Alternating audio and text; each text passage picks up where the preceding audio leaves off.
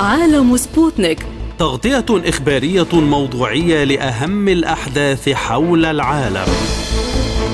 يلقي الضوء على أهم الأخبار السياسية والاقتصادية. والرياضية. وجولة مع الأخبار الخفيفة من سبوتنيك بريك في عالم سبوتنيك.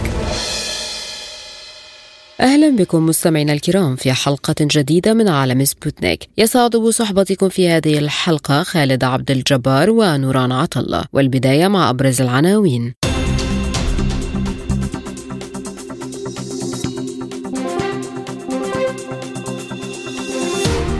عقب كلمته في الأمم المتحدة لافروف يؤكد أن صيغة السلام التي طرحها زيلينسكي غير قابلة للتطبيق على الإطلاق. رئيس الأركان الإيراني يقول إنه يجب طرد الانفصاليين المناوئين لطهران من العراق. إثيوبيا تؤكد التمسك بموقفها في افتتاحية جولة المفاوضات الجديدة لسد النهضة مع مصر والسودان. وسامح شكري يقول لا مجال لفرض سياسة الأمر الواقع. مفاوضات أمريكية فيتنامية بشأن أضخم صفقة أسلحة. واقتصاديا بايدن يفرض قيودا على توسع شركات الرقائق الأمريكية في الصين. إلى التفاصيل التفاصيل أكد وزير الخارجية الروسي سيرجي لافروف أن خطط فلاديمير زيلينسكي للسلام بين روسيا وأوكرانيا أوكرانيا غير قابلة للتطبيق. جاء ذلك خلال المؤتمر الصحفي الذي عقده عقب انتهاء كلمته أمام الدورة الثامنة والسبعين للجمعية العامة للأمم المتحدة في نيويورك. وقال لافروف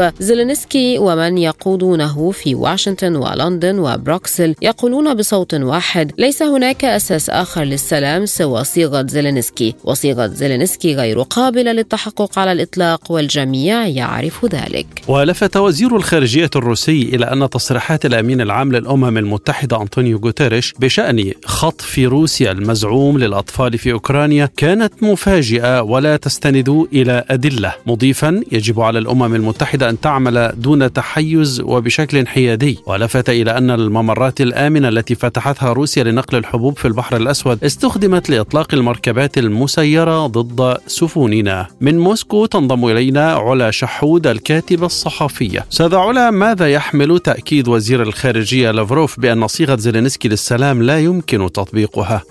نعم مرحبا لكم وللمستمعين. نتذكر الحقيقة أن خطة زيلينسكي للسلام كانت واضحة وكانت أهم بنودها هي انسحاب روسيا من المناطق التي فرضت سيطرتها عليها ابتداء من شبه جزيرة القرم إلى الأقاليم الأربعة في دونيتسك ولوغانسك. وهذه الشروط مرفوضة تماما من قبل الجانب الروسي. وخاصة أن شبه جزيرة القرم تعتبر مكان له مكانة مقدسة آه، لدى روسيا حيث ضمتها روسيا عام 2014 وفق استفتاء شعبي.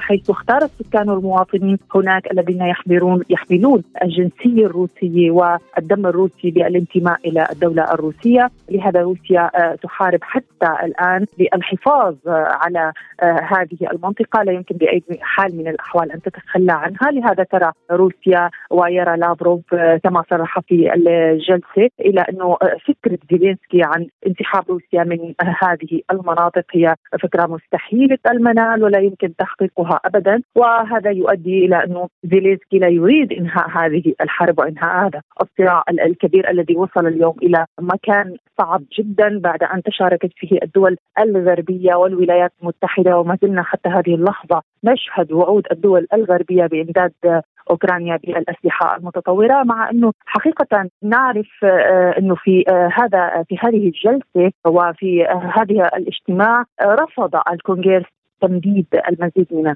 الأسلحة إلى إلى أوكرانيا مع إصرار بايدن رئيس الولايات المتحدة على متابعته في مساعدة أوكرانيا في صراعها مع روسيا. هذا يؤدي ويمكن تحليله إلى وجود الصراع وعدم التوافق الفكري بين القيادات في الولايات المتحدة وفي الدول الغربية. يعني اليوم هذه الدول تتصارع ولا تقف عند رأي موحد باتجاه أوكرانيا. يعني بعض الدول اليوم توافق على إمداد هذه الأسلحة وعلى استمرار الشراكة الاستراتيجية لأوكرانيا. ومن ناحية أخرى نشهد آه، بعد فينه وأخرى انسحاب بعض الدول من مساعدة أوكرانيا. على سبيل المثال بولندا. بولندا في منذ أيام قليلة جدا. أعلن الرئيس البولندي في هذا الاجتماع في الجمعيه العامه للأمم المتحدة عن آه، رفضه تمديد إرسال الأسلحة إلى أوكرانيا مع العلم انه كانت بولندا أول وأهم دولة ترسل المساعدات العسكرية إلى أوكرانيا وكانت أكثر دولة أرسلت عددا كبيرا من الدبابات والأسلحة وما غيرها، اليوم توقف بولندا إرسال هذه الأسلحة إلى أوكرانيا، هذه ضربة قوية في خاطر أوكرانيا. ومن ناحية أخرى يعني تتوالى الضربات حيث رفضت أيضا بولندا أو مددت مددت الحظر على الحبوب الأوكرانية في في بولندا. لكن ما الرسائل الروسية التي تصل للغرب من الرغبة في السلام لكن ليست بالمعايير الغربية؟ بكل تأكيد ليس بالمعايير الغربية وليس بالمعايير الأمريكية وليس بالمعايير الأوكرانية، كل دولة تبحث عن مصالحها اولا وفي الخط الأول مصلحة هذه الدولة، ما مصلحة روسيا اليوم من إعادة هذه الأقاليم التي ضمتها بعد أن خاضت حربا تقريبا مع كل دول العالم لمدة سنة ونصف أو أكثر، خسرت روسيا الكثير من الأسلحة، من العتاد، خسرت اقتصاديا، لكن هذا لا يعني أنها خسرت في هذه الحرب لأنها متمسكة حتى الآن في موقفها، لأنه مهما كانت خسارة روسيا خسارة أوكرانيا أكبر بكثير، كما قلنا منذ قليل الدول الغربية دولة بعد أخرى سوف تنسحب من من مساعدة أوكرانيا وسوف يبقى زيلينسكي وحيدا وسوف يضطر بالنهاية إلى الخضوع لأوامر روسيا. والقبول بشروطها لأن الدول الغربية إذا وضعت اليوم على المحك بأن تختار بين أصوات شعوبها لن تختار زيلينسكي محبة فيه لأنها هي تحارب روسيا على الأرض الأوكرانية. نحن هنا في روسيا نفهم لأن هذه الحرب وهذه الدول آه، أصبحت حربها مع روسيا حرب استنزاف. هذه الدول لا تريد الحرب أن تنتهي إطلاقا. لو أرادت أن تنتهي لكانت أرسلت أسلحة متطورة أكثر لكانت آه، آه، شاركت في هذه الحرب بشكل مباشر واعتبرت نفسها شريك مباشر في هذه الحرب في هذه المواجهة. لكن هذه الدول مما أن ما أن يفتح موضوع المواجهة مع روسيا تلاحظ الهروب والانسحاب. هذه الدول ليست جاهزة اليوم لأن تخوض حربا عالمية ثالثة مع روسيا لأنها سوف تعرف لأنها تعرف أنه هذه الخطوة هي آخر خطوة. هذه حرب عالمية ثالثة سوف تؤدي إلى الدمار. لن تستطيع هذه الدول الوقوف في وجه روسيا التي تمتلك أكبر رؤوس نووية في العالم. لهذا هي. تستنزف روسيا تريد إضعافها تريد الخلاص عليها شيئا بعد شيء. تريد كسر شوكة روسيا لكنها هي متيقنة ومتفهمة لأنها لا تستطيع خسارة أن تؤدي إلى خسارة بوتين أو خسارة روسيا. لهذا نعيد ونكرر لأنه يوم الحرب في حرب استنزاف واستنزاف من الطرفين أيضا من الناحية الروسية أيضا.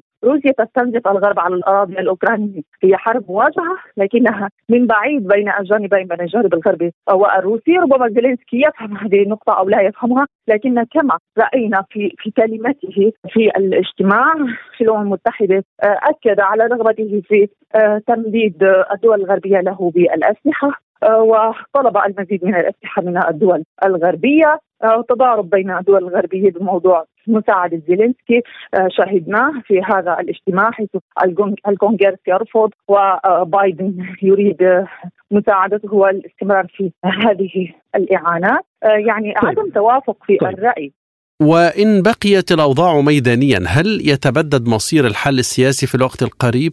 بلا شك بلا شك. اليوم حل سياسي لا يوجد على المسار الروسي الأوكراني. يعني منذ يوم أمس شهدنا كيف ضربت أوكرانيا الأسطول الروسي في سيفاستوبول وكما أعلنت أوكرانيا إلى انه استطاعت القضاء على عدد من الجنرالات والقيادات الروسية ذو مناصب كبيره الأسطول الروسي. مع أن روسيا لم تؤكد هذه المعلومة لكن موضوع الضرب هي موضوع حقيقي. يعني بينما يكون هناك نقاشات سياسية في في الولايات المتحدة وفي الأمم المتحدة من ناحية أخرى آه، أوكرانيا تصاعد وتضرب الأسطول الروسي وهو أهم نقطة حساسه لدى روسيا هذا يؤدي إلى أنه لا يوجد حل سياسي الآن طالما هناك تصعيد يعني دائما ما يترابط الحل السياسي مع الحل العسكري المنتصر على الأرض آه، آه، في في العملية العسكرية هو المنتصر على الحل السياسي. سوف آه، تنتهي هذه الأمور بخسارة أحدهم على ارض المعركه واستنزاف أسلحته واستنزاف عتاده البشري. نعرف تماما إلى أن أوكرانيا تخسر العديد من من الهياكل البشرية العسكرية وهذا بحد ذاته ضربة قوية في خاطر أوكرانيا لن تستطيع صمود أوكرانيا أكثر لن تستطيع ربما تستطيع لمدة قريبة مع مع مع استمرار الدعم البطيء حاليا لكن شيئا بعد شيء آه، سوف تتضاءل قدره أوكرانيا على المواجهة والاستنزاف وسوف يؤدي الحل إلى خسارة أوكرانيا وفرض شروط روسيا التي أعلنها بوتين منذ بداية العملية العسكرية الخاصة. أستاذ علا شحود استمرار أوكرانيا كبؤرة توتر في المنطقة هل يسفر عن بؤر جديدة بصناعة أمريكية؟ الحقيقة يبدو أن الولايات المتحدة لا تريد ان أن تنهي موضوع البؤر في, في, العالم كله. يعني سبق أن كانت سوريا هي بؤرة للاستنزاف بين الدول الغربية بين روسيا وبين أمريكا والدول الغربية. اليوم أوكرانيا شهدنا أيضا المشكلة التي حصلت بين أذربيجان و... وأرمينيا في الأسبوع الماضي. لابد أن الولايات المتحدة ما زالت وهذا تاريخها يشهد عليها الا أنها تريد استثمار كل المش... المشاكل الدولية لفرض مصالحها وتحقيق مصالحها وأهدافها في البداية، لكن كما شهدنا في كلمة لافروف في الجمعيه العامه للامم المتحدة شدد لافروف على أنه هذا العالم وحيد القطب الذي ترأسه الولايات المتحدة كما تريد أن تسميه على أنها الدولة الوحيدة أو الدولة الرئيسية أو الدولة القيادية في العالم سوف ينتهي. شدد لافروف على العالم متعدد الأقطاب بمشاركة دول وقوى آه، آه، دولية كبرى مثل الصين مثل الهند وكان هذه كانت هذه رسائل واضحة للجانب الأمريكي إلى انه هذا العالم وحيد القطب العالم القائد الذي يتحكم بمصير الشعوب ومصير الدول سوف ينتهي الآن بقيادة روسيا ولن آه، يسمح له بالتمدد أكثر لأنه أغلاطه واخطائه بحق شعوب الأرض يعني أصبحت كبيرة جدا لا يمكن الصمت عنها.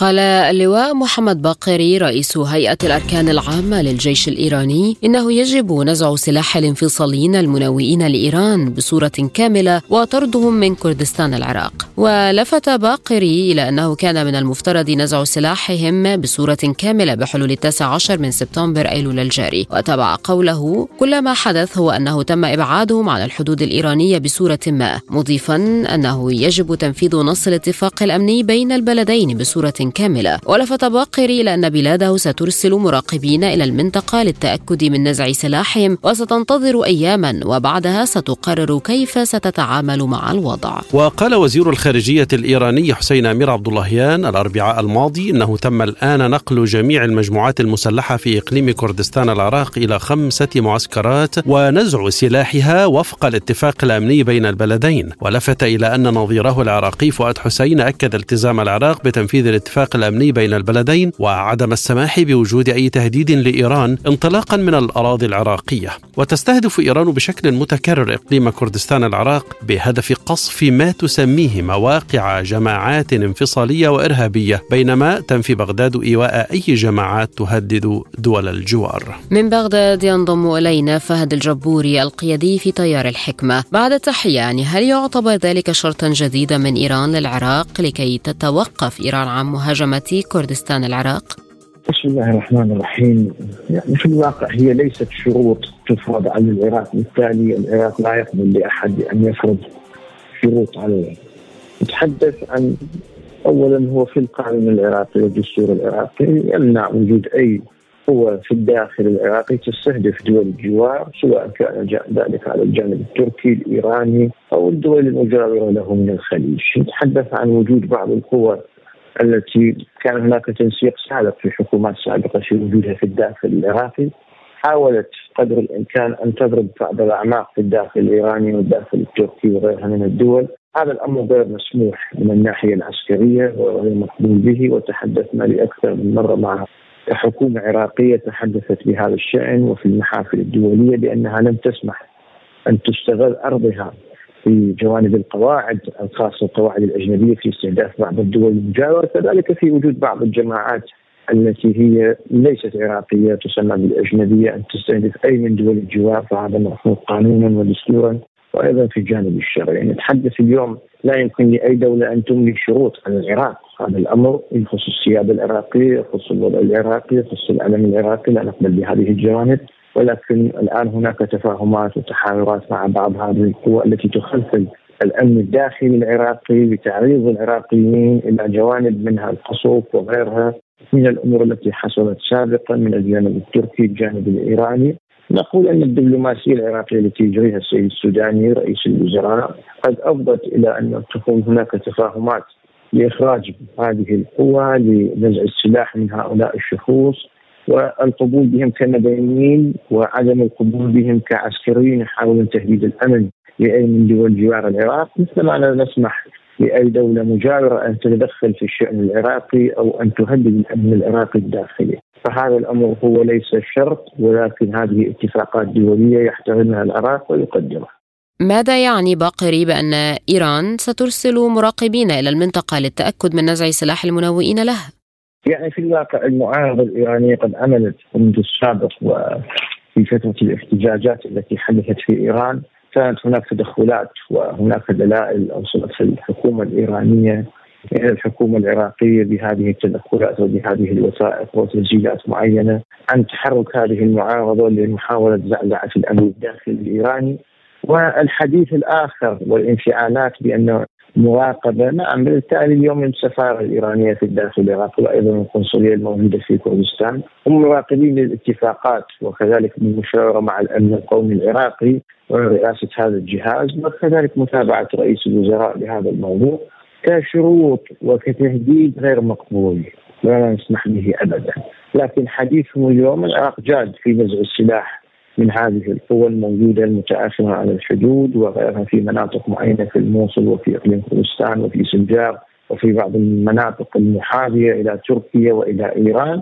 العراق جاد في نزع السلاح من هذه القوى وقد عندما يكون هناك نزع لهذا السلاح قد تصنف إنها إرهابية. وبالتالي لا يمكن القبول بوجودها في الداخل العراقي وهذا الأمر كله بمراقبة الأمم المتحدة اولا وبعد ذلك مراقبة الدول المجاورة التي على تماس بهذا الشأن. هل هناك اتفاق مع الحكومة العراقية في هذا الشأن؟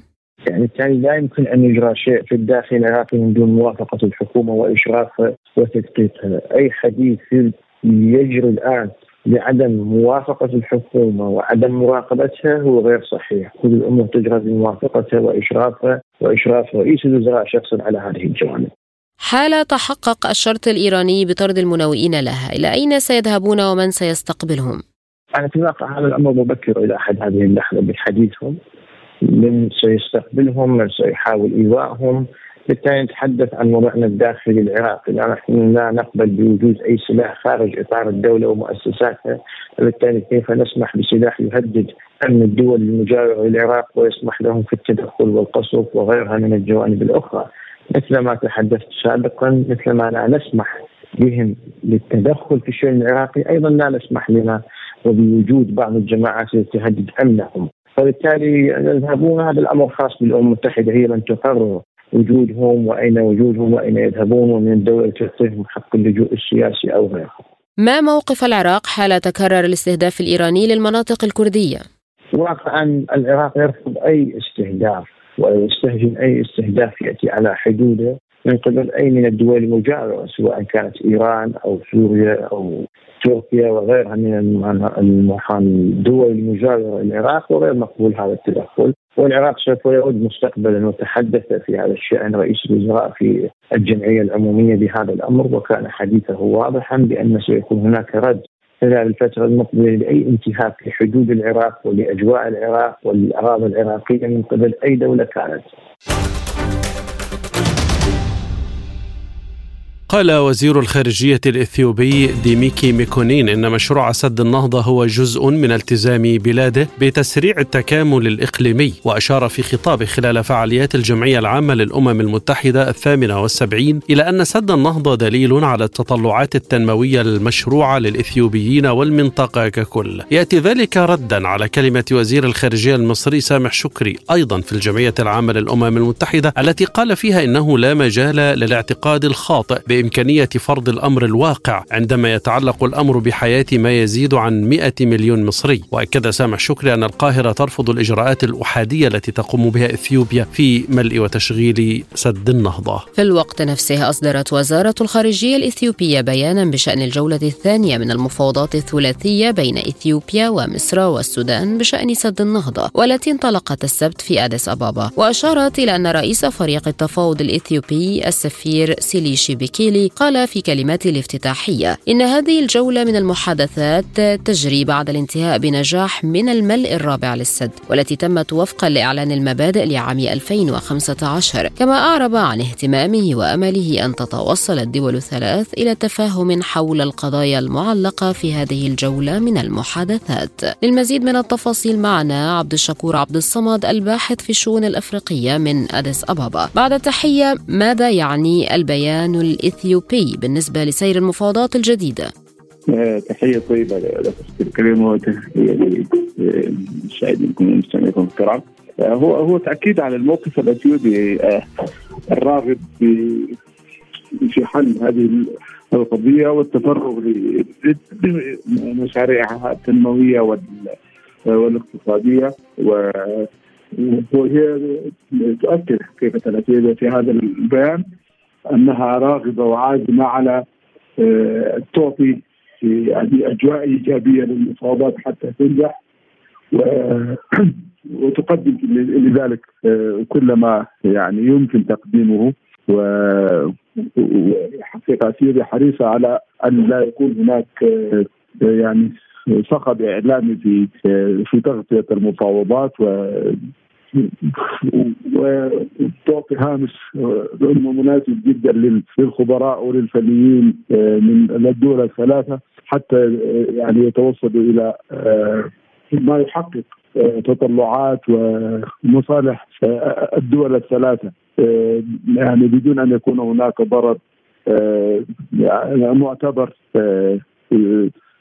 على أثيوبيا أو السودان أو مصر فأعتقد يعني وأنا متفائل ان هذه المفاوضات هذه الجولة من المفاوضات ربما الجولة القادمة تكون نهاية هذه المرحلة لتعبئه وتشغيل سد النهضة وصولا إلى ما ما يتطلب اليه الجميع في هذه المنطقة. كيف تؤثر تصريحات وزيري الخارجية في الأمم المتحدة على الجولة الجديدة الحالية في أديس أبابا؟ حقيقة يعني هو هو كما هو نعم. هو حقيقة كان يعني يعني أنا استمعت إلى جزء من من كلمة السيد سامح شكري وهو كما متعود يعني اعتدنا عن حقيقة يعني سعادة الوزير دائما في هذه المحافل يتحدث فعلا بهذه اللغة العالية. وهي قد لا تكون دبلوماسية. يعني نحن كاثيوبيين لا نراها دبلوماسية و وتؤثر سلبا على الأجواء الإيجابية لهذه المفاوضات ولكن حقيقة يعني معتاد على هذا على هذا المستوى من الخطاب. وربما هو حقيقة لها هناك اعتبارات يعني أيضا لدى الشارع المصري وما يعني ينتظره من من من الرسميين السياسيين في في مصر. فربما يمكن حقيقة يعني قبوله في هذا الإطار لكن فعلا حقيقة هو يعني دبلوماسيا يعني ربما يكون له انعكاس سلبي إلا إذا كان هناك يعني فعلا يعني تقييم وتقدير لهذا الاعتبار الذي ذكرته سابقا. يوجد حديث من طرفي المفاوضات عن الأمل والنية في الوصول إلى حل، لكن هل القرار في يد هؤلاء المفاوضين من وزراء؟ هو يعني أنا أعتقد الجولة الماضية التي عقدت في القاهرة وهذه الجولة في في أديس أبابا مع ولا أعرف هل الجولة القادمة أين ستكون؟ باعتبار هو المفترض أن تكون في الخرطوم لكن الأجواء ظروف الحرب في السودان هل تكون في في بور السودان أو في مكان آخر يختاره الفريق السوداني؟ لا أدري. هذه الجولات هي حقيقة تخلو من أي ضغط دولي أو إقليمي ولا نرى إلا الخبراء من الدول الثلاثة. وأعتقد هذا جو ممتاز جدا ومثالي حتى يتوصل المتفاوضون لحلول. ما تبقى هو فقط في يعني نقاط فنية وتقنية بسيطة جدا يعني على أكبر تقدير لا تتجاوز ال 10% من من يعني من يعني من مجمل القضايا التي يدور حولها النقاش. فبالتالي هذه القضايا الخلافية البسيطة بإمكان الخبراء من الدول الثلاثة وهم وهي وهم كفاءات حقيقة علمية وأكاديمية ودبلوماسية وسياسية ممتازة بالإمكان التوصل إلى اتفاق وثم بعد ذلك يكون القرار السياسي هو الذي يعني يعطي الزخم الذي تستحقه هذه المفاوضات وهو هذا بالإمكان حقيقة حدوثه ومستبشرون بالتفاعل خير. تجري إدارة الرئيس الأمريكي جو بايدن محادثات مع فيتنام بشأن اتفاق لأضخم عملية نقل أسلحة في التاريخ بين الخصمين السابقين إبان الحرب الباردة وهو اتفاق قد يؤدي إلى إثارة غضب الصين. وذكرت مصادر صحفية أن الصفقة التي قد تكتمل خلال العام المقبل من شأنها أن تحقق الشراكة التي تم تطويرها في الآونة الأخيرة بين واشنطن وهانوي ببيع أسطول من المقاتلة الأمريكية إف 16 في الوقت الذي تواجه فيه الدولة الواقعة في جنوب شرق آسيا توترات مع بكين في بحر الصين الجنوبي وما زال الاتفاق في مراحله الأولى ولم تحدد شروطه الأساسية بعد وربما لا يتم إبرامه. لكنه كان موضوعا رئيسيا في المحادثات الرسمية بين فيتنام والولايات المتحدة في هانوي ونيويورك وواشنطن على مدى الشهر الماضي. وقال مسؤول أمريكي إن الفيتناميين لديهم اهتمام ببعض الأنظمة الأمريكية وتحديدا أي شيء قد يساعدهم في تحسين مراقبة مجال مجالهم البحري وربما طائرات النقل وبعض المنصات الأخرى. وأضاف أن جزءا مما يتم العمل عليه في حكومة الولايات المتحدة هو محاولة توفير خيارات تمويل أفضل لفيتنام لتزويدهم بالأشياء التي قد تكون مفيدة لهم حقا. للمزيد معنا من القاهرة الكاتب والمحلل السياسي أستاذ جمال رائف. بعد التحية هل يعتبر ذلك دليلا جديدا على محاولات صناعة بؤر توتر في آسيا كما حذر وزير الخارجية الروسي تحياتي لحضرتك ولكل السادة المستمعين. لا يمكن أن ننكر أن الولايات المتحدة الأمريكية في الحقيقة ومنذ دخول بايدن إلى البيت الأبيض وهناك تحول في بوصلة السياسة الخارجية الأمريكية نحو تعزيز العلاقات في منطقة شرق آسيا بشكل عام وبحر الصين الجنوبي ومنطقة آسيا أيضا برضو. وبالتالي نحن نتحدث عن تنامي في العلاقات الأمريكية في هذا النطاق الجغرافي. ولكن الأزمة تكمن في فكرة عسكرة التنافس ونقل التنافس ما بين القوى الغربية والشرقية في تعزيز العلاقات ما بين الدول خاصة الدول الناميه والصاعده في هذا النطاق الجغرافي إلى عسكرة هذه العلاقات وده اللي بيؤجج الصراع ويجعل هناك دائما يعني ما يشوب الأجواء ويعكر الأجواء خاصة أيضا مع وجود يعني حراك أمريكي لتعزيز التواجد العسكري في المحيط الهندي والهادي وأيضا تصاعد لفكرة وجود تحالفات عسكرية ووجود طبعا الإكواس والكواد وظهورهم على الساحة كايضا تحالفات عسكرية مهمة بتعزز التواجد الأمريكي. الامريكي تأتي خطوة فيتنام خطوة أخيرة أيضا في ظل هذا التصاعد والتواجد الأمريكي خاصة على صعيد الشراكات العسكرية في هذا النطاق الجغرافي خاصة طبعا بعد نقل العلاقات ما بين الولايات المتحدة الأمريكية وفيتنام إلى مرحله الشراكة الاستراتيجية. يمكن القول أيضا إن هذا اختبار لإمكانية إيجاد علاقة استراتيجية ليست فقط على الورق كما تم توقيعها ولكن على أرض الواقع. ومن ثم أيضا هذا الاختبار تريد الولايات المتحدة الأمريكية أن تنجحه وتحقق هذه الصفقة العسكرية حتى تربح حليف يعني استراتيجي جديد بجانب اليابان وبجانب الهند في هذا النطاق وهذا أيضا في إطار طبعا تعزيز المنافسة التي تتحول كما قلنا لصراع. في المنطقة وبالتالي هذا يزعج بالتأكيد الصين يزعج روسيا وهذا وهذا الإزعاج في الحقيقة إزعاج مشروع لأن نتحدث عن تحركات مكثفة سواء على صعيد وزارة الخارجية الأمريكية وزارة الدفاع الأمريكية الرئاسة الأمريكية شفنا دولة نائبة الرئيس الأمريكي في المنطقة الآسيوية وغيرها من التحركات وبالتالي هي تحركات الآن أصبحت أيضا مصحوبة بتحالفات عسكرية كما أوضحنا وأيضا بتعزيز العلاقات الاستراتيجية التي تأتي في في صدراتها أيضا تنمية العلاقات العسكرية. كيف يمكن أن تؤثر هذه الصفقة على المنطقة؟ يمكن نحن نتحدث عن متغير دولي راهن يشكل العالم من جديد وبالتالي كلما تحدثنا عن تأجيج للصراع ما بين القوى الكبرى وسباق لكسب المزيد من الشراكات العسكرية وإيجاد تحالفات عسكرية فهذا بالتأكيد يضر بالاستقرار والسلم الدولي بشكل عام نريد أجواء أكثر رحابة لمجالات أخرى زي التعاون الاقتصادي والتعاون في مجالات التغيرات المناخية والتعاونات من أجل السلام والاستقرار وإيجاد عالم متعدد الأقطاب. هذا ما نتمناه وهذا ما يمكن أن يعني نتمنى أن يحدث خلال الفترة القادمة. فكرة تعزيز الارتكاز فقط على تعزيز طبعا الشراكات العسكرية والشق العسكري فقط دون الشراكات الأخرى.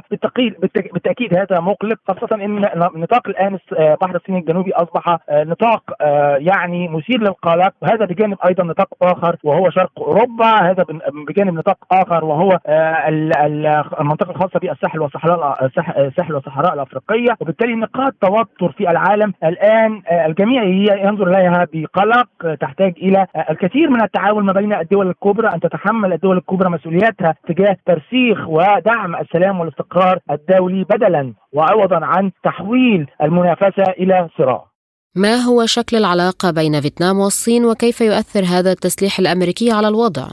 بالتأكيد يمكن هذا التعاون الاستراتيجي ما بين الولايات المتحدة الأمريكية وما بين الصين والزيارة الأخيرة لبايدن وهذا التصاعد في العلاقات الأمريكية الفيتنامية. بالتأكيد له ربما يكون يعني أضرار على العلاقات الفيتنامية الصينية خاصة إن الصين لا تحتمل الآن المزيد من مثل هذه العلاقات المتصاعدة مع الولايات المتحدة الأمريكية ما بينها وبين الدول المحيطة بها. ومن ثم أنا أعتقد بالتأكيد الصين تنزعج وبالتالي أنا أعتقد إن من من الأرجح أيضا أن يكون هناك نوع من أنواع توازن العلاقات أن لا ترتمي فيتنام في الأحضان الأمريكية مباشرة. يجب أن يكون هناك نوع من أنواع الالتزام مما يحقق ضمانات للجانب الصيني وأيضا يحقق مصالح فيتنام التي أيضا هي مشروعة ويعني أيضا يجب أن أن أن تحقق ولكن ليست على مصالح أن تفسد علاقات إقليمية أخرى أو علاقاتها مع الصين لأن الصين لا يمكن أن نغفل إنه أيضا شريك دولي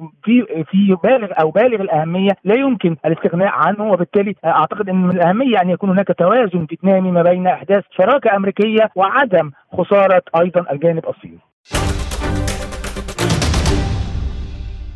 أصدرت الولايات المتحدة قيودا تهدف للحد من توسع شركات صناعة أشباه الموصلات المستفيدة من التمويل الفيدرالي لبناء مصانع للولايات المتحدة في الصين. وتعد هذه الخطوة هي آخر الخطوات التنظيمية قبل أن تقدم وزارة التجارة الأمريكية أكثر من 100 مليار دولار من المساعدات الفيدرالية الهادفة إلى تعزيز صناعة الرقائق الإلكترونية الأمريكية داخل الولايات المتحدة وخارجها بشروط. وتأتي الخطوة بهدف دفع عمليات عمليات صناعة الرقائق وأشباه الموصلات في أكبر اقتصاد بالعالم لمجاراة التقدم التكنولوجي في الصين. ومن الجدير بالذكر أن الصين من جانبها تقيد تصدير معدنين جوهريين لصناعة أشباه الموصلات إلى الدول الأخرى. وبعد القيود الأخيرة فإن مكتب برنامج دعم الرقائق والذي يستعد لتقديم منح بقيمة 39 مليار دولار وقروض وضمانات قروض أخرى بقيمة 75 مليار دولار سيحظر على الشركات التي ستحصل على التمويل زيادة إنتاجها بشكل كبير أو توسيع مجال تصنيعها في الصين. من بيروت ينضم إلينا دكتور بيير عزار خبير الشؤون الاقتصادية والجيوسياسية. دكتور بيير البيان المنشور يحتاج إلى توضيح ربما حول القرار. هل هذا القرار يمنع من إقامة شركات أمريكية داخل الصين؟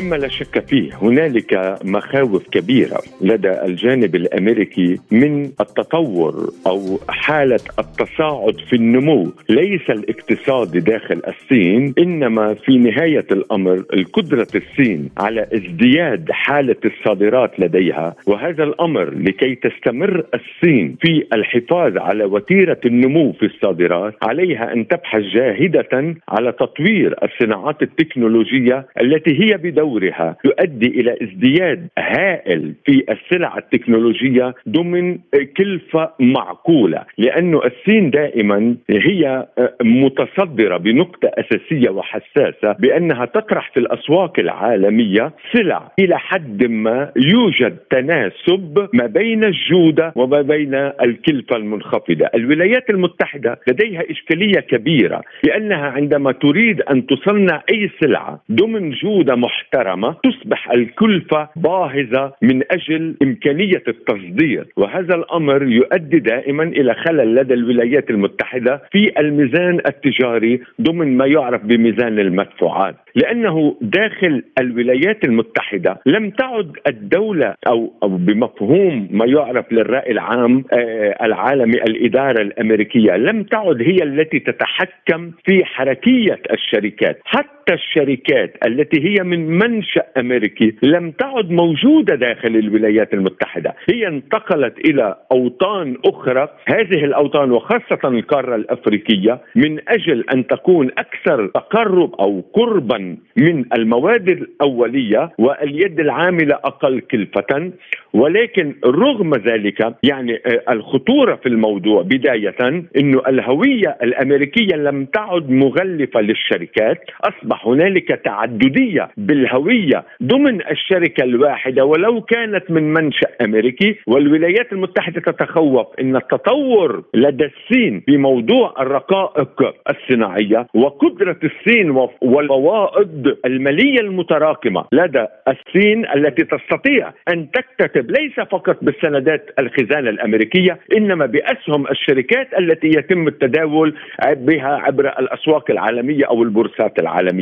اذا هذا البيان لأنه سؤال مهم هذا البيان الملتبس لأنه أصلا الإدارات الأمريكية لم تعد تستطيع أن تتحكم بمنظومة مجالس الإدارات لدى الشركات حتى ولو كانت هذه الشركات من منشأ أمريكي. هنا بيت القصيد تعددية الهوية لهذه الشركات. من هنا أصبحنا نستعمل شركات عبر الوطنية. يعني حتى ال United Nations الأمم المتحدة أصبحت لم تعد تستعمل مصطلح الشركات المتعددة الجنسيات. بتنا نستعمل اليوم الشركات العابرة للأوطان وهنا بيت القصيد في هذا الموضوع. لكن ماذا تعني هذه الخطوة بالنسبة للصين؟ الصين هي حتى ما هي قوة الصين؟ قوة الصين ترتكز على عمودين أساسيين. أولا قدرتها على تصدير بأرقام فلكية للسلع عبر العالم. ثانيا بأنها أهم مقرض مقرض أيضا بالضغط عبر العالم. عندما الصين أصلا اليوم يوجد إشكالية كبيرة داخل أروقة الصين هنالك أصوات تنادي بعدم الركون دائما إلى موضوع الصادرات لأنه أي عملية عملية تباطؤ في اقتصادات سواء الدول المتقدمة أو الأسواق الناشئة سوف يؤدي إلى تباطؤ عملية الاستهلاك داخل هذه البلدان وبالتالي تتراجع قدرة الأسواق على امتصاص السلع الصينية. من هنا يتم التركيز داخل الصين اليوم على تحفيز ما يعرف بالاستهلاك الداخلي. يعني لأنه اليوم حتى داخل الصين هنالك إشكالية كبيرة هنالك تفاوت كبير وهائل جدا ما بين ما يعرف بشرق الصين وأنا لا أحب أن أسمي شرق وغرب لأن هنالك مسميات مختلفة ولكن شرق الصين هو شرق غني جدا جدا جدا. أما غرب الصين هنالك إشكالية كبيرة هنالك تفاوت كبير ما بين الاثنين. وما هي طريق الحرير أو الحزام الواحد طريق واحد ولكن هي الكلمة طريق الحرير الاقتصادي تهدف القيادة الصينية أقله في البداية إلى خلق إلى حد ما نوعا من التوازنات داخل الصين. وبالتالي بالنسبة للصين هي تشعر دائما بأنها ربما تتعرض فجأة إلى انتكاسة كبيرة عندما لا تستطيع أن تصدر السلع حتى ولو كان. وهذا أمر يؤدي لأن الصين ارتداداتها على مشروع الأمريكي حول الرقائق الصناعية الرقائق من أجل التطوير التكنولوجيا هو هي التكنولوجيا الذكية هي الرقائق أهميتها. ولو هنا استطرادا استطرادا وبشكل دقيق جدا الذي حصل اليوم داخل سوريا. لقد تم الاكتشاف أنا قلت هذا الكلام منذ فترة ولكن بشكل سطحي جدا لأنه الدولة السورية لم تقل هذا الكلام. لقد تم الاكتشاف داخل البادية السورية بدءا من الجزيره عفوا الجزيرة باتجاه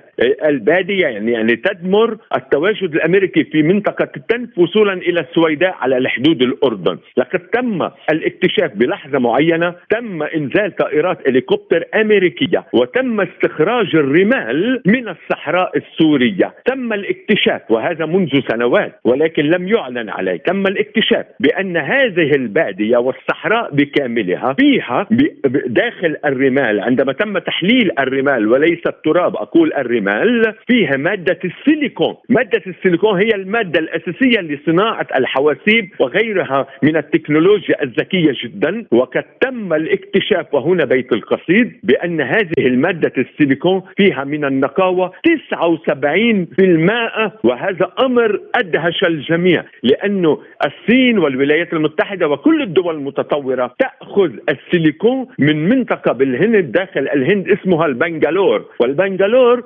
نسبتها من النقاوة 28 وبالتالي الإشكالية الكبيرة سوف يحصل الصراع اليوم داخل سوريا ما بين الولايات المتحدة والصين وروسيا من أجل عدم امتلاك الولايات المتحدة لمادة السيليكون. وطبعا الولايات المتحدة لا أقصد فقط الدولة كل الشركات التي هي من منشأ أمريكي والتي تأخذ تشريعات من الكونغرس الأمريكي لكي يسمح لها بالتدخل. إذا العملية شديدة التعقيد ومن هنا كانت أهمية زيارة الرئيس السوري بالأمس إلى الصين وما يزال هو في أعتقد اليوم ما يزال أيضا في الصين هذه العملية دقيقة لأن الصين قد علمت بمدى أهمية هذه الرمال داخل صحراء سوريا دكتور بيير هل تدخل هذه الخطوة في إطار الحرب التجارية ضد الصين أو بين الولايات المتحدة والصين؟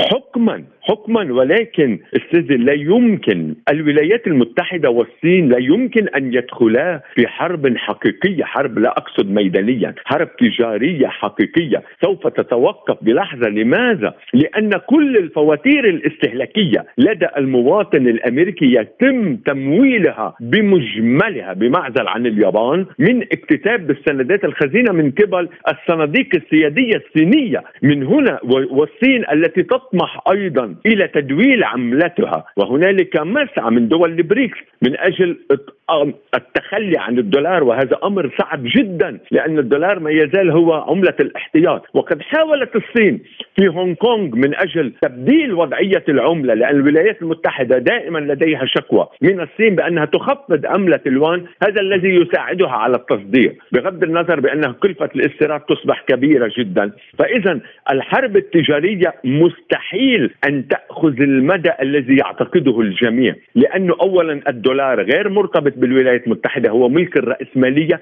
إنما أعطي له هوية أمريكية لأن الرأسمالية هي بدون هوية. ثانيا هذا التذبذب حتى بشركات الاتصالات والهواتف وهواوي وعشرات الملفات ولكنها في نهاية الأمر تصل إلى نقطة التوازن ما بين الاثنين وعلينا أن نتذكر ما الذي قاله الرئيس جو بايدن بالأمس أمام منبر الأمم المتحدة لحظة الافتتاح قال نحن لا نريد أن نصطدم مع الصين هو يعلم بأنه لا يمكنه أن يصطدم مع الصين هو يريد أن يحتوي وضعية التمدد الصيني لأنه يتخوف لأنه اليوم الجيو اقتصادي بات يغلب كثيرا على الجيو سياسي بالرغم من اندماجية هذين المصطلحين بين ال geopolitic وال geoeconomic. عالم سبوتنيك مستمر معكم وهذه جولة من الأخبار حول العالم.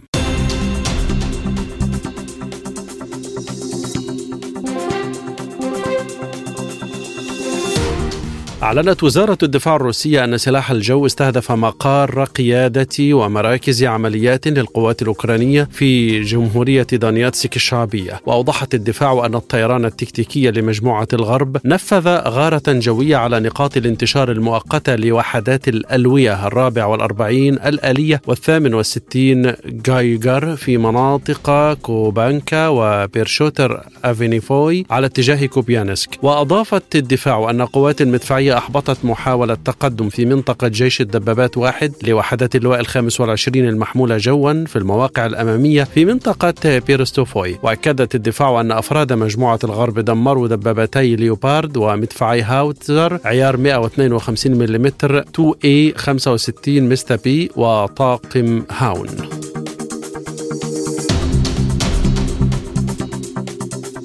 كشفت وسائل إعلام غربية عن قيام الجيش الروسي باعطاب وتعطيل عدد من الدبابات النادرة في منطقة العمليات العسكرية الخاصة التي سلمها الغرب إلى نظام كييف. وأشارت مجلة فورس في تقرير إلى أن الجيش الروسي أعطب دبابتين نادرتين من طراز في 122 اس سلمتهما السويد إلى القوات المسلحة الأوكرانية. ونوه التقرير إلى أن الفرقة الحادية والعشرين الآلية الأوكرانية فقدت فجأة خمسة من أفضل دباباتها السويدية التي لا يمكن الحصول على بدائل لها.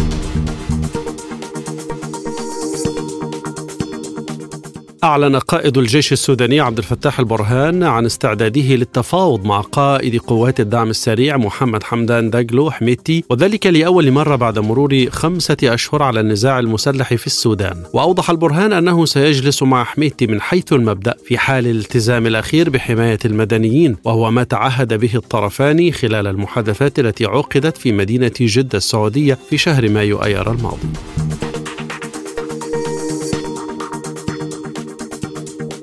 قال وزير الخارجية السعودي الأمير فيصل بن فرحان إن المملكة ترفض الإجراءات الأحادية المعرقلة لحل القضية الفلسطينية وتعمل على تقويض جهود السلام. وأكد فيصل بن فرحان في كلمة بالدورة الثامنة والسبعين للجمعية العامة للأمم المتحدة أن أمن الشرق الأوسط يتطلب التوصل إلى حل عادل وشامل للقضية الفلسطينية. وصرح بأن المملكة تؤكد على ضرورة التزام الدول بميثاق الأمم المتحدة ومبادئ الشرعية الدولية الدولية وتطلعها نحو مستقبل أفضل للبشرية على أساس الاحترام المتبادل لسيادة الدول واستقلالها وقيمها وعدم التدخل في شؤونها الداخلية وحل الخلافات بالطرق السلمية وعدم اللجوء إلى القوة أو التهديد بها. كما أكد الأمير فيصل بن فرحان أن المملكة تولي ملف حقوق الإنسان أهمية بالغة حيث تضمنت أنظمتها نصوصا صريحة تهدف إلى تعزيز وحماية تلك الحقوق.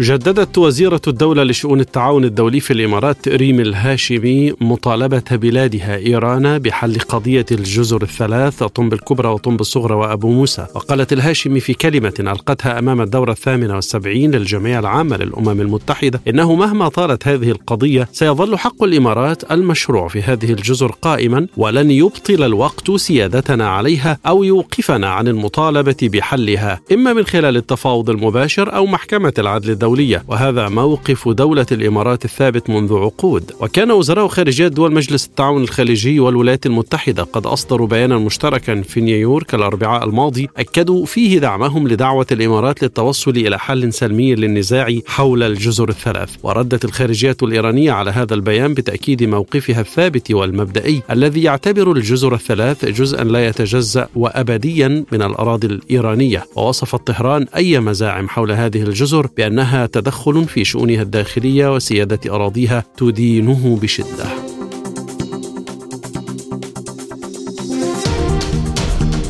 عبر مسؤولون أمنيون إسرائيليون عن رفضهم اتفاقا يمنح المملكة العربية السعودية القدرة على تخصيب اليورانيوم حتى لو كانت تحت مظلة أمريكية. وقالوا في تصريحات لهيئة البث الإسرائيلية كان إن رؤية رئيس الوزراء الإسرائيلي بنيامين نتنياهو للسلام مع السعودية من خلال اتفاقية تطبيع العلاقات معها هي بالفعل شرق أوسط جديد. وتابعوا موضحين من الممكن أن يحدث كل شيء في الشرق الأوسط ويمكن أن يتبدل يتبدل النظام وغدا تصبح هذه القدرات مع النظام الجديد. والآن إليكم تذكرة بأبرز ملفات هذه الحلقة. عقب كلمته في الأمم المتحدة لافروف يؤكد أن صيغة السلام التي طرحها زيلينسكي غير قابلة للتطبيق على الإطلاق. رئيس الأركان الإيراني يقول إنه يجب طرد الانفصاليين المنوئين لطهران من العراق. إثيوبيا تؤكد التمسك بموقفها في افتتاحية جولة المفاوضات الجديدة لسد النهضة مع مصر والسودان. وسامح شكري يقول لا مجال لفرض سياسة الأمر الواقع. مفاوضات أمريكية فيتنامية بشأن أضخم صفقة أسلحة. اقتصاديا بايدن يفرض قيودا على توسع شركات الرقائق الأمريكية في الصين. الآن مستمعين إليكم مجموعة من الأخبار الاقتصادية مع عبد الله حميد.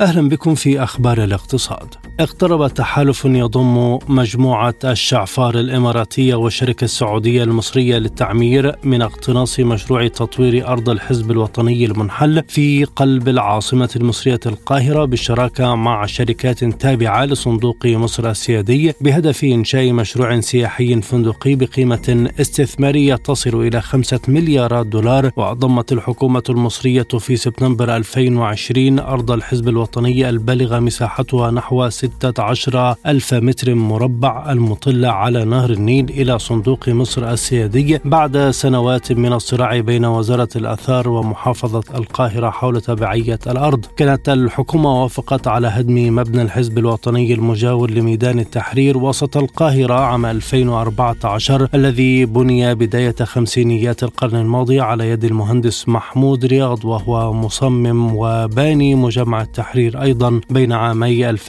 1951 و 1952 وسيتولى التحالف الفائز مع شركتين تابعتين للصندوق السيادي إقامة مشروع فندقي سياحي وتجاري سينجز خلال خمس سنوات.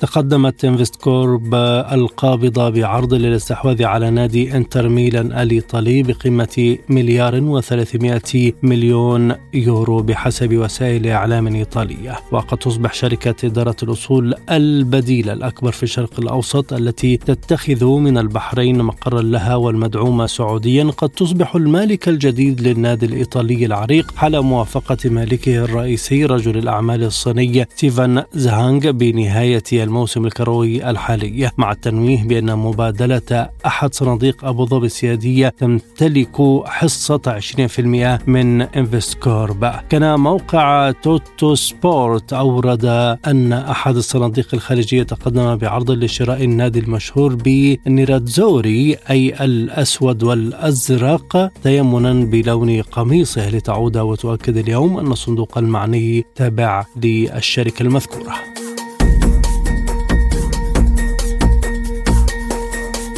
وصف كبير المفوضين التجاريين في الاتحاد الأوروبي العلاقات التجارية مع الصين بأنها غير متوازنة للغاية، وقال فالديس دومبروفسكيس نائب الرئيس التنفيذي في المفوضية الأوروبية في خطاب ألقاه ضمن قمة بوند في شنغهاي إنه على الرغم من أن الاتحاد الأوروبي يسعى لتقليص الفجوة التجارية عندما يتعلق الأمر بالمنتجات الاستراتيجية فإن هذا لا يعني أن الاتحاد سوف ينفصل عن الصين التي تربطه بها تجارة قياسية. يسعى الاتحاد الأوروبي إلى تحقيق توازن جديد في استراتيجيته تجاه الصين والتخلص من المخاطر وتقليص اعتماده على الدولة الأسيوية مع الحفاظ على الوصول إلى سوقها. وأعلنت المفوضية مؤخرا عن إجراء تحقيق يستهدف مكافحة دعم الصين لسياراتها الكهربائية في خطوة أثارت غضب بكين. ونبقى مع عبد الله حميد ومعه هذه المرة أخبار الرياضة.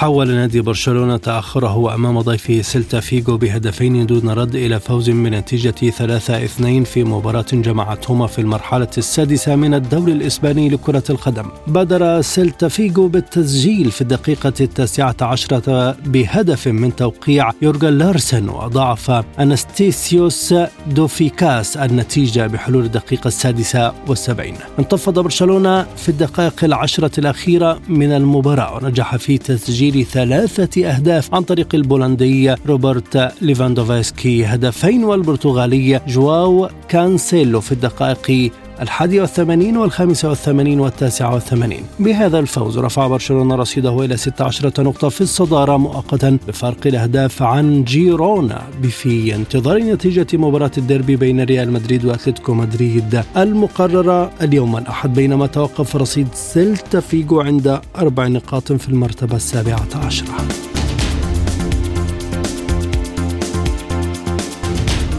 سجل القائد برونو فرنانديز هدفا رائعا من تسديدة مباشرة ليقود مانشستر يونايتد للفوز بهدف دونلي دون رد أمام مضيفه بيرنلي في الدوري الإنجليزي الممتاز لكرة القدم. أنهى مانشستر بهذه النتيجة سلسلة هزائم في ثلاث مباريات سابقة بجميع المسابقات. بهذا الفوز الثالث في الموسم ارتقى يونايتد للمركز الثامن برصيد تسع نقاط من ست مباريات مقابل نقطة وحيدة لبيرلي من خمس مباريات ليقبع في المركز الأخير. وضمد فريق شياطين الحمر بهذه النتيجة جراحه الأوروبية بعدما خسر في الجولة الأولى من دوري مجموعة دوري أبطال أوروبا أمام بايرن ميونخ بأربعة أهداف لثلاثة.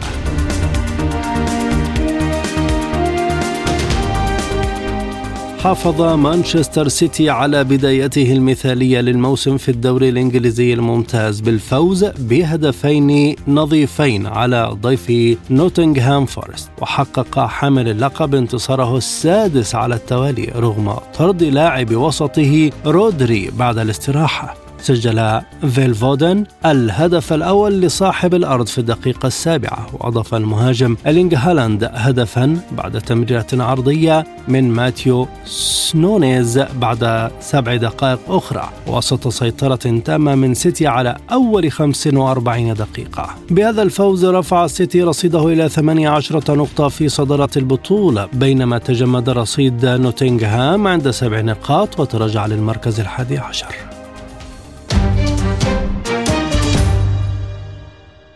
وما زلنا مع عبد الله حميد والأخبار الخفيفة.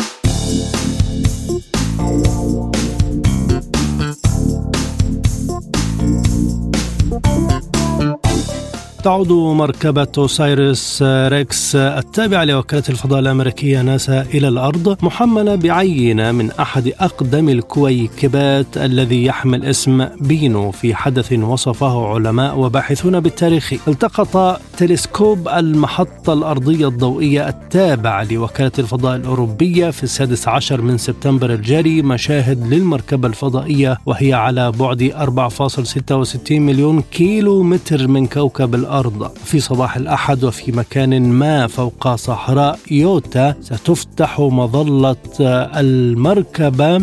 لتسقط كبسولتها التي تحتوي على نحو 250 جراما من التربة إلى الأرض. وتتمثل أهمية العينة التي تحملها المركبة في أنها عبارة عن قطع من الصخور الفضائية التي يبلغ عمرها 4.6 مليار سنة والتي لا يمكن أن تلقي الضوء فقط على كيفية تشكل الكواكب بل على كيفية بدء الحياة نفسها. وأثناء هبوطها تتوجه أربع طائرات هليكوبتر تحمل علماء ومهندسين وعسكريين عبر الأراضي القاحلة في الصحراء لاستعادة الشحنة الثمينة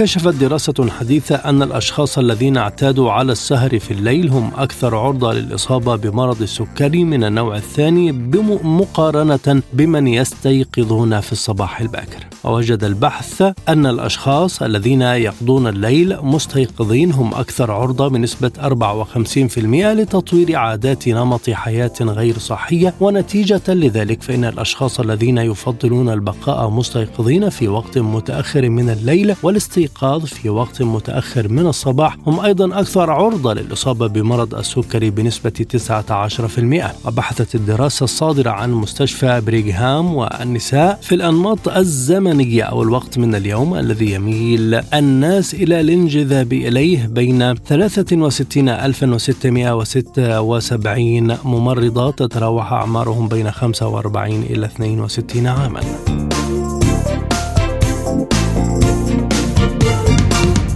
توفي الممثل المسرحي المصري الفنان الشاب أحمد عصام وهو أحد أبطال مسرحية شارلي تشابلن إثر حادث سير خلال عودته من عمله في المسرح. أعلن الفنان محمد فهيم بطل مسرحية وفاة الفنان الشاب أحمد عصام أحد أعضاء فريق المسرحية موضحا أنهما تشاركا عرض المسرحية أمس على خشبة المسرح. نشر فهيم صورة للفنان الراحل أحمد عصام عبر إنستغرام وكتب كنا لسه بنعرض سوا امبارح وأسألكم ونسألكم الدعاء له بالمغفرة والرحمة. بدوره نشر الفنان عادل شعبان صورا تجمعه بالفنان أحمد عصام عبر فيسبوك مشيرا إلى أنه توفي إثر حادث أليم أثناء عودته من المسرح.